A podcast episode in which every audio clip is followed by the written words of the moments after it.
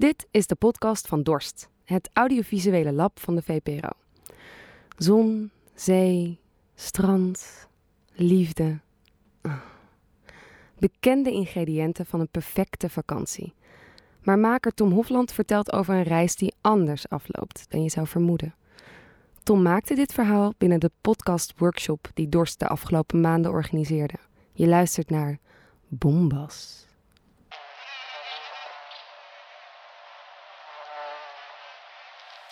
Interesting fact I came across the other day. The cuckoo bee, which is a relative of the true bumblebee, doesn't have queen bees, it just has regular female bees. Now, these female bees go out and find the nest of the true bumblebee and they hide in the debris. When they're ready, they spring out and they kill the queen bee after laying their own eggs. Ik was reisleider bij. Uh, oh, dat mag ik niet zeggen, denk ik. Of wel? Ik was reisleider en ik dacht ik, nou ja, laat ik het zo zeggen. Mensen zeiden dat het goed voor mij zou zijn. Een vriend van mij, Jonas, hij had het al een keer eerder gedaan. Dus ik had me opgegeven, sollicitatie. Toen mocht ik daarheen. Naar Griekenland. Maar ja, dat is helemaal niks voor mij, joh. Tussen allemaal van die. Je moet je voorstellen van die roodgeblakerde Hollandse vrouwen van 50. Met z'n allen in zo'n bus zitten en daar rond het eiland rijden. Daar word ik niet echt heel blij van, maar ik dacht: oké, ik doe het.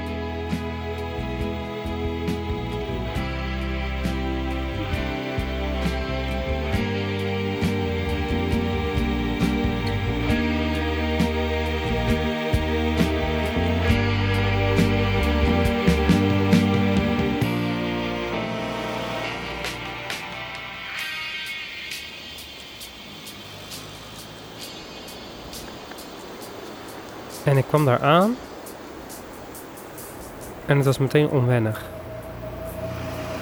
Er was al niemand op het vliegveld om ons op te halen, wat al een beetje irritant was. Het was s'avonds. We moesten ons appartement vinden waar wij bleven.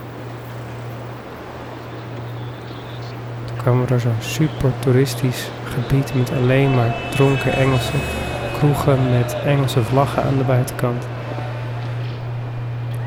En er waren overal insecten van die dikke gele hommels. Lege frisblikjes, daar hingen ze allemaal omheen. Je moest je mond dicht houden als je het huisje binnenging, omdat je anders gewoon vijf van die beesten in je mond had.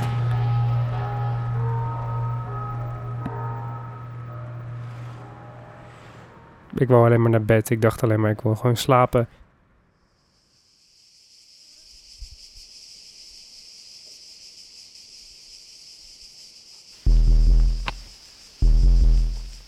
Was licht, het was dag en alles was anders.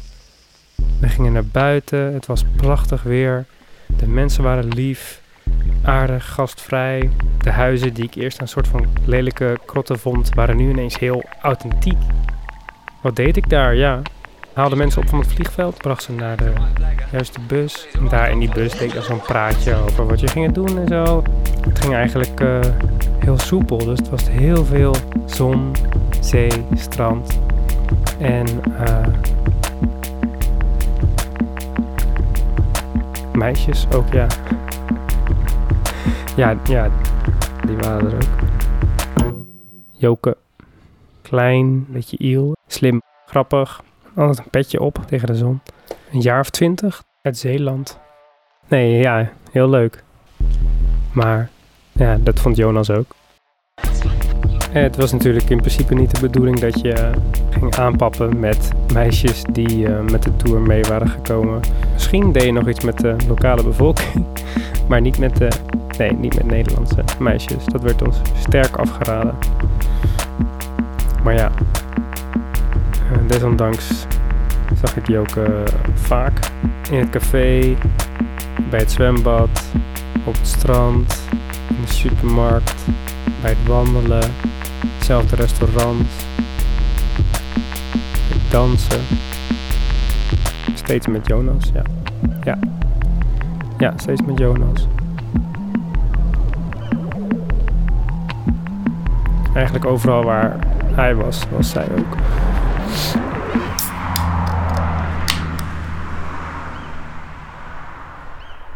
En op een van die avonden met twee andere reisleiders hadden we wat gedronken. Er was een, een Griekse jongen. Die was daar ook en die had uh, drinken meegenomen en eten en zo. En uh, dus het was heel relaxed. Hij had van die blikken mee in zijn tas. Bombas stond erop. Grote gele blikken met een grote hommel op de voorkant.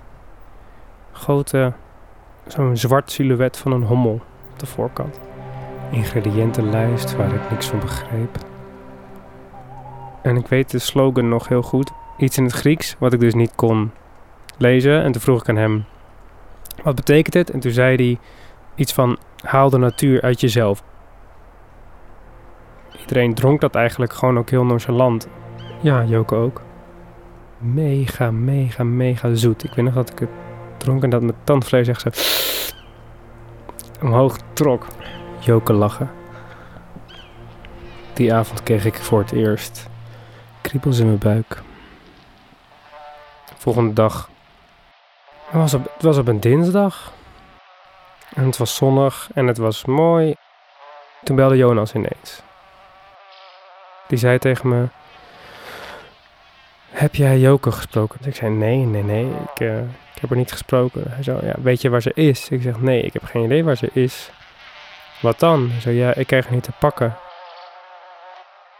Ja, ze was alleen gekomen. Dus hij had ook niemand die hij kon bellen. Dus hij maakte zich zorgen. Dus ik zei: Oké, we gaan naar het hotel.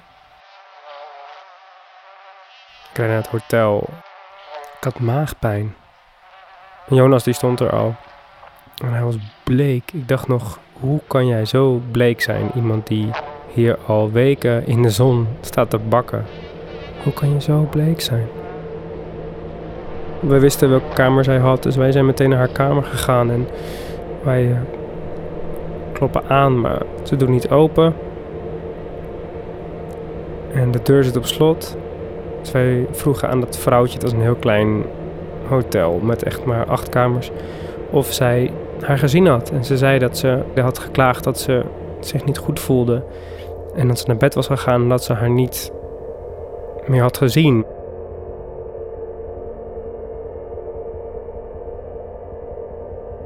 Toen kwam Jonas op het idee om haar nog een keer te bellen. Dus hij belde haar nog een keer. En toen hoorden wij haar telefoon overgaan in de kamer. En ik weet niet waarom, want ze had ook heel goed ergens anders kunnen zijn. Maar Jonas dacht ze is in de kamer.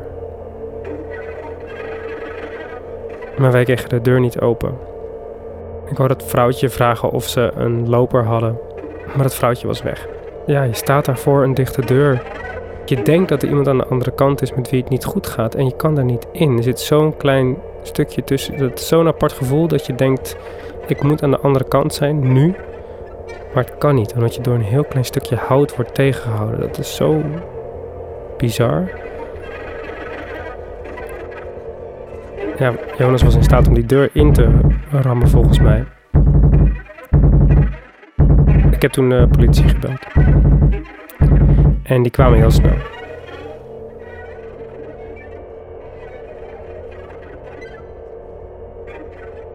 Twee mannetjes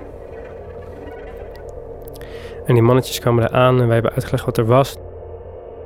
Toen hebben we zij de deur geforceerd. Toen zijn we naar binnen gegaan.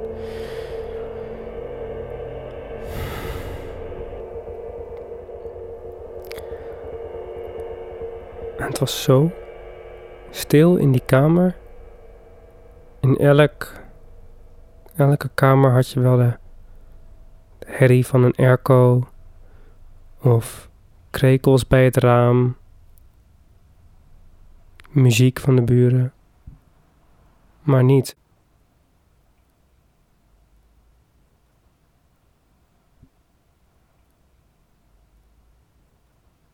En uh, ik zag haar als eerst.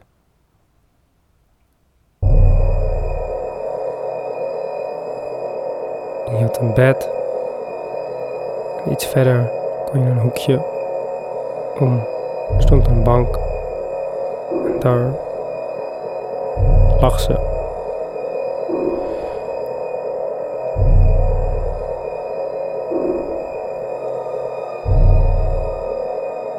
Ik dacht meteen die slaapt. Dus ik wou wel heel stilletjes doen. Ik, ik liep echt op mijn tenen bijna van Sst, straks maken we er wakker. En Jonas die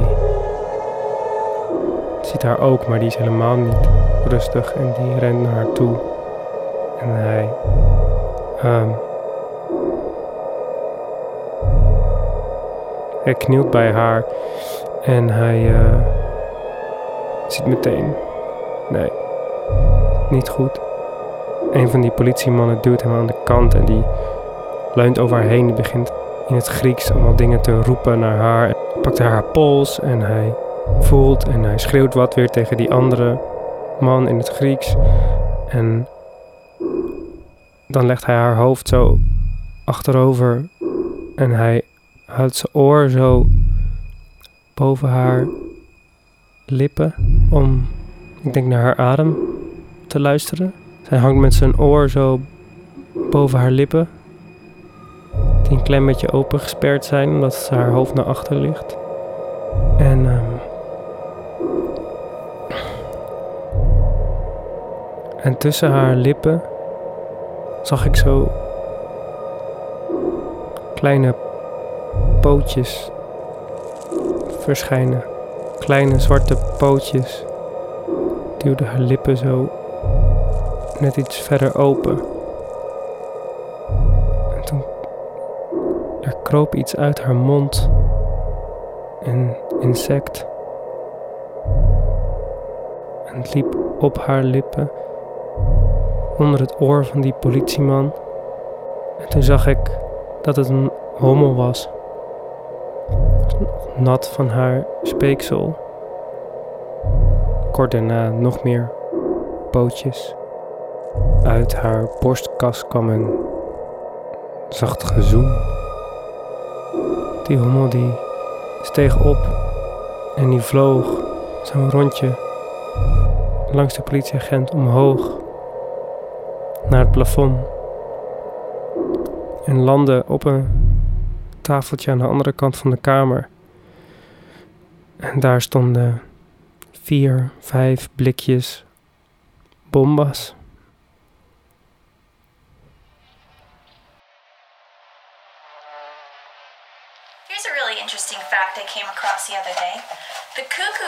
Which is a relative of the true bumblebee, doesn't have queen bees, it just has regular female bees. Now, these female bees go out and find the nest of the true bumblebee and they hide in the debris. When they're ready, they spring out and they kill the queen bee after laying their own eggs.